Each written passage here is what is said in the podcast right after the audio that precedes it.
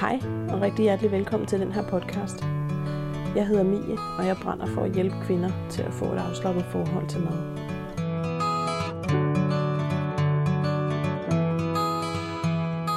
Velkommen til det her afsnit, som i dag handler om, når mad det er på en pedestal.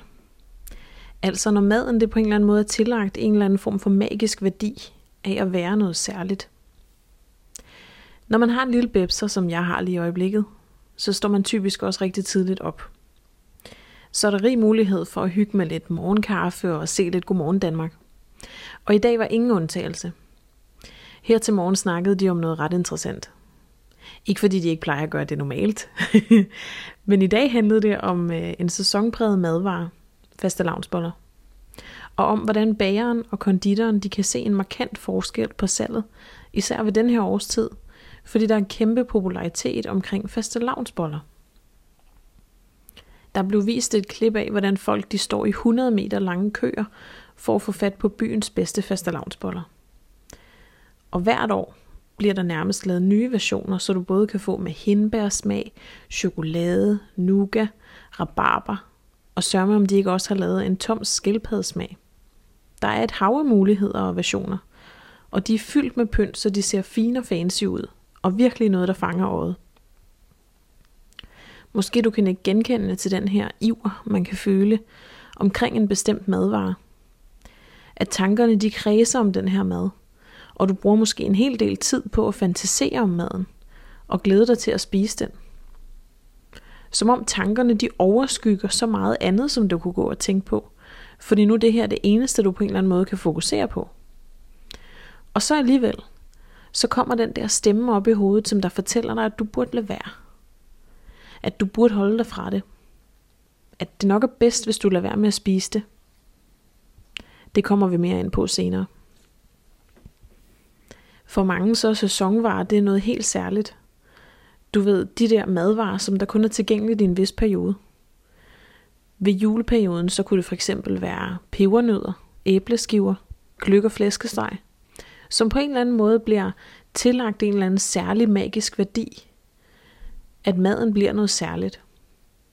Til påske så kunne det være chokoladeovertrukne marcipanæg. Og i sommerperioden så er det måske en gammeldags vaffelis, der er noget helt specielt. Og det er endda selvom du kan købe is hele året rundt, både i storcentre og gågader, og endda også i supermarkederne. Men de her tanker, de handler ikke om det rationelle aspekt i det.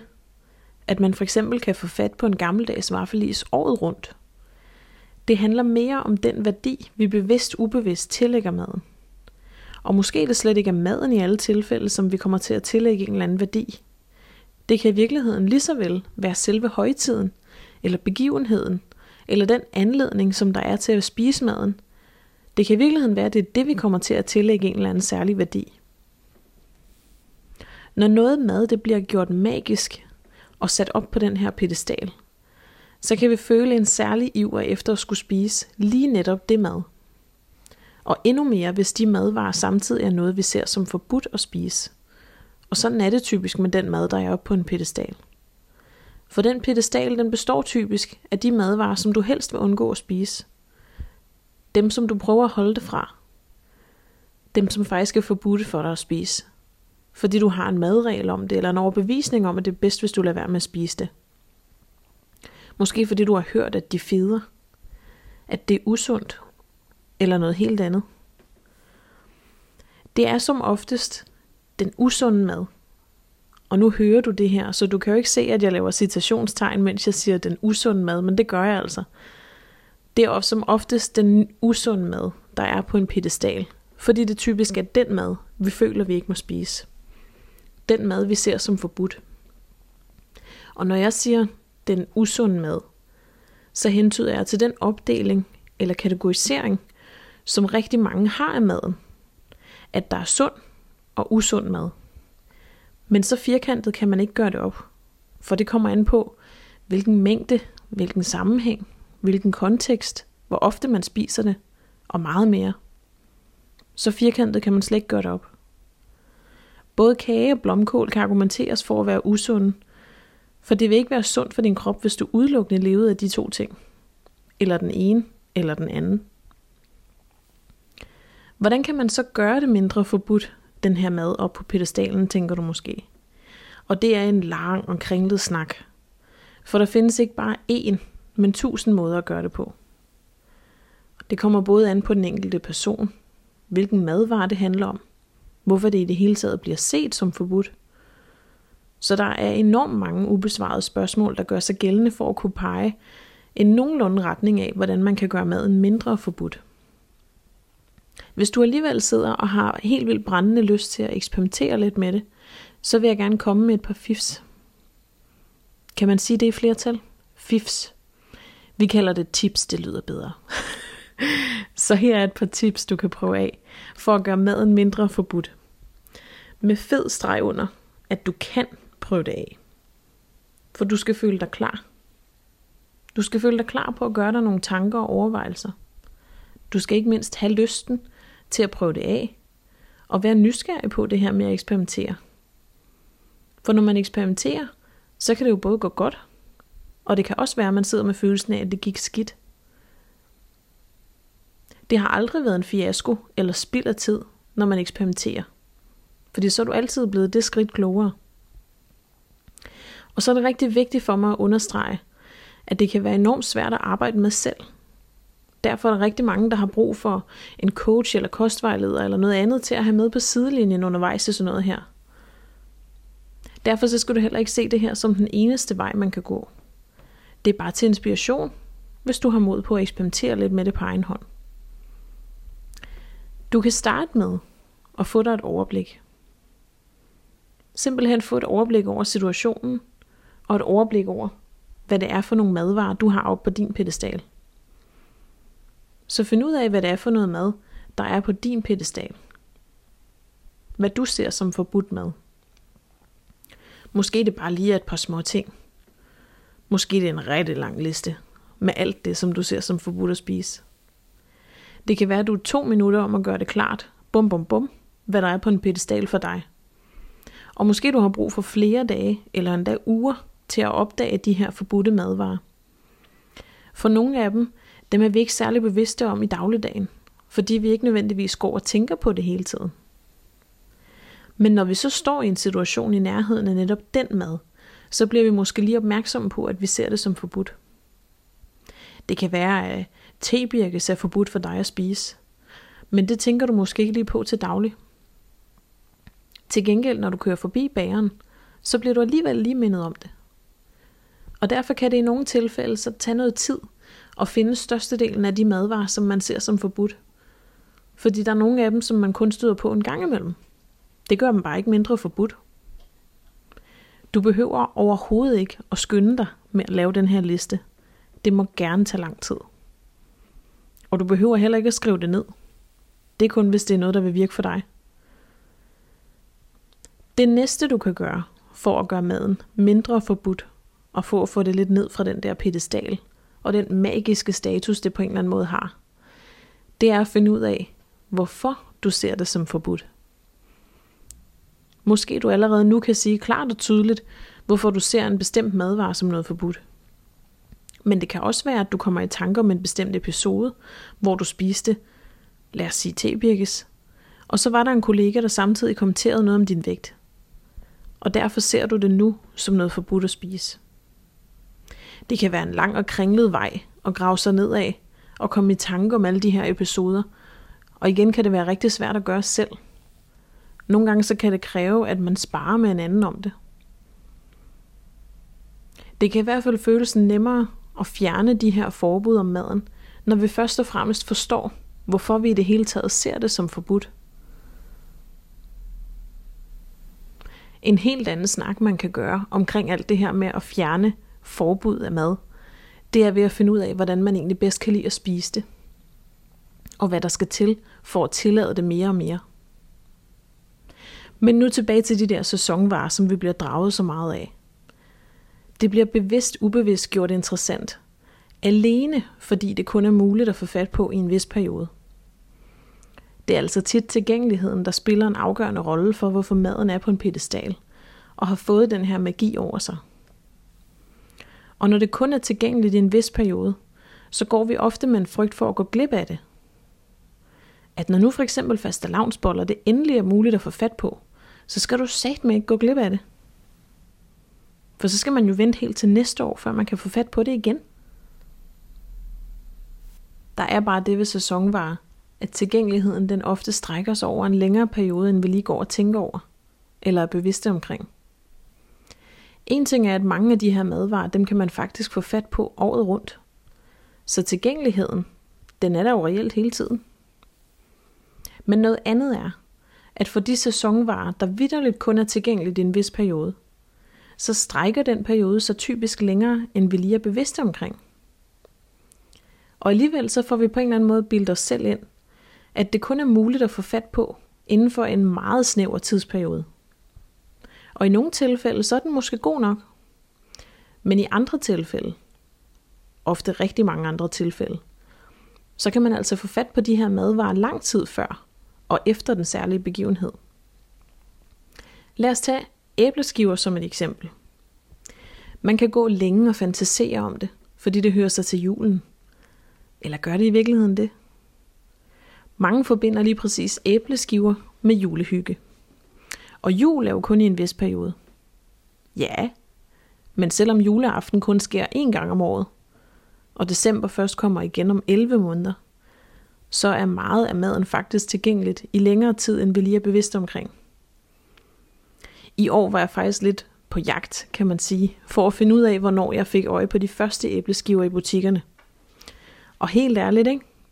Jeg fandt det i butikkerne allerede i september måned. Det er altså reelt september, oktober, november og december.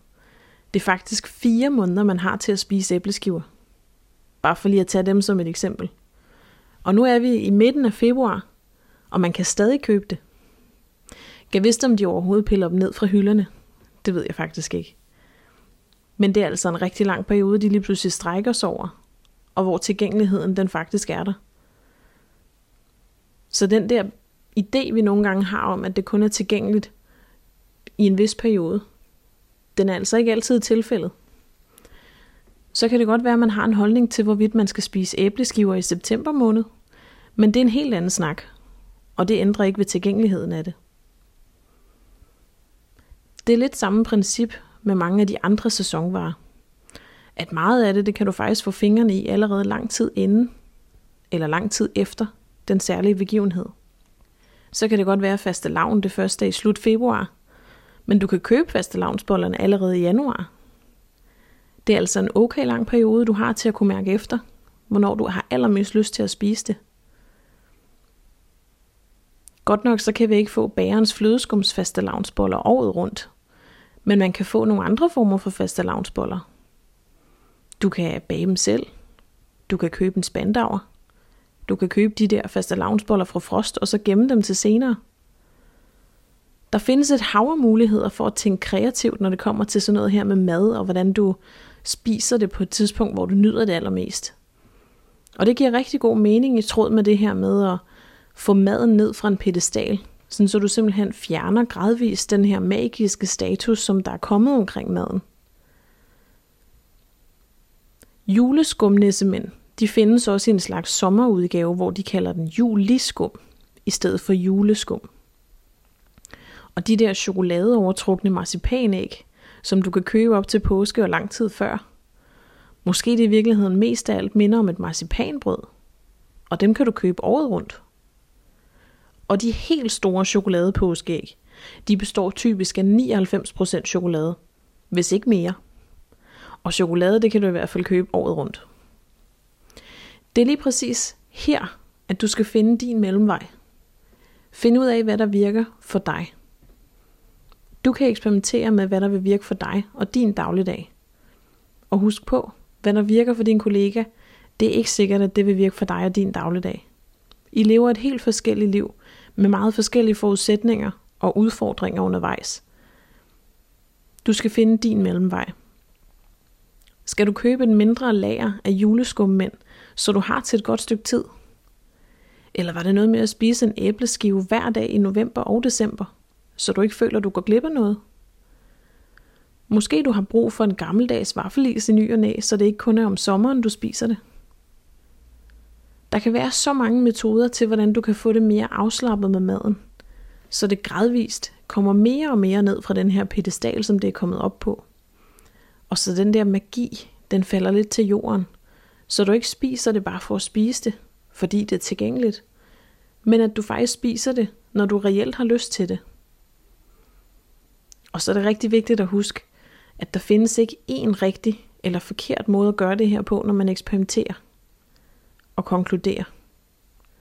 Du kan eksperimentere på tusindvis af måder, når det kommer til dine tanker omkring maden. Og det vil altid være forskelligt, hvilken situation, hvilken madvare, hvilket humør du er i, hvilken dag det er, hvor du står fysisk i det, situationen sker. Så det kan være meget forskelligt. Og hvad du konkluderede den ene dag, er ikke sikkert, du kan konkludere en anden dag. Det vil være meget forskelligt. Hver eneste dag, hver eneste madvare, som er oppe på din pedestal, det vil være forskellige forudsætninger. Og det er her, at man kan gøre sig en masse kloge tanker og opdagelser ved at eksperimentere med maden og ens tanker omkring maden. Det kan være, at du har mere lyst til chokolade, når du er lidt sulten. Og det kan være på samme måde, at du har mindre lyst til chokolade, når du faktisk er mæt. Så det kan variere enormt meget, og det kan være forskelligt, ud fra hvilken situation og hvilken madvare det egentlig handler om. Og så husk, du er aldrig alene om at have de madtanker. Der er altid en, der tænker nogenlunde ligesom dig. Ligegyldigt hvor åndssvage de her madtanker de egentlig kan lyde. Og ligegyldigt hvor voldsom den her liste, du kan synes, den ser ud, hvor du har skrevet alle dine forbud. Der er ikke noget galt i at have en lang liste med forbud og ting, man ikke må spise. Husk på, at du har måske været rigtig mange år om at få alle de her madforbud. Derfor så tager det også lang tid at fjerne de her forbud igen. Og det kan godt være, at der er en metode, der virker til at fjerne det ene forbud, men den metode vil ikke nødvendigvis virke til at fjerne et andet forbud omkring maden.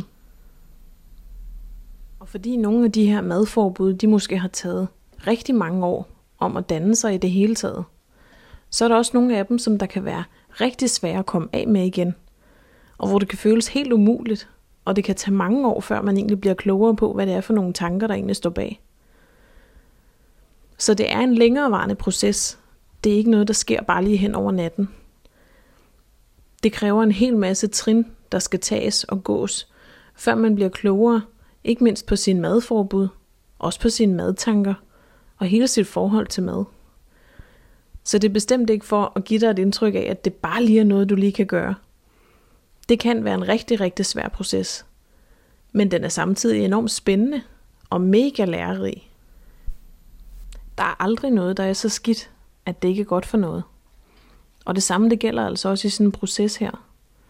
Der er aldrig noget, som du har gjort eller udført eller tænkt på, som har været fuldkommen spild. Det gør dig bare lige et tak klogere. Så på den måde, så kan du i virkeligheden bruge alle de oplevelser og opdagelser, som du gør dig. Dem kan du faktisk bruge effektivt til så at vide, hvad kan du så justere på til en anden gang. Det er rigtig nemt at komme til at donse oven i hovedet og tænke, ej, nu gør jeg det samme, som jeg plejer igen. Nu kom jeg igen til at købe den allerstørste faste lavnsbold, bare fordi jeg kørte forbi her. Og når det er rigtig fristende at komme til at donse sig selv oven i hovedet, og man måske endda også kommer til at gøre det, og den dårlige samvittighed, den fylder enormt meget efterfølgende, så er det, man skal huske sig selv på, at det hele er en del af processen. Og det er alt sammen noget, du vil lære noget af. I sådan en situation, så kan det være rigtig givende at tænke lidt over, hvordan kan jeg bruge den her erfaring til en anden situation? Og på den måde, så kan man faktisk altid helt vildt konstruktivt komme videre, uanset hvad det er for en episode eller situation, man har været ude for. Uanset om det faktisk gik, som man måske havde planlagt, eller som intentionen i hvert fald var. Jeg håber, den her podcast den har givet dig noget stof til eftertanke, og du har fået lidt mod på at eksperimentere med det. Tusind tak, fordi du lyttede med. Vi høres ved.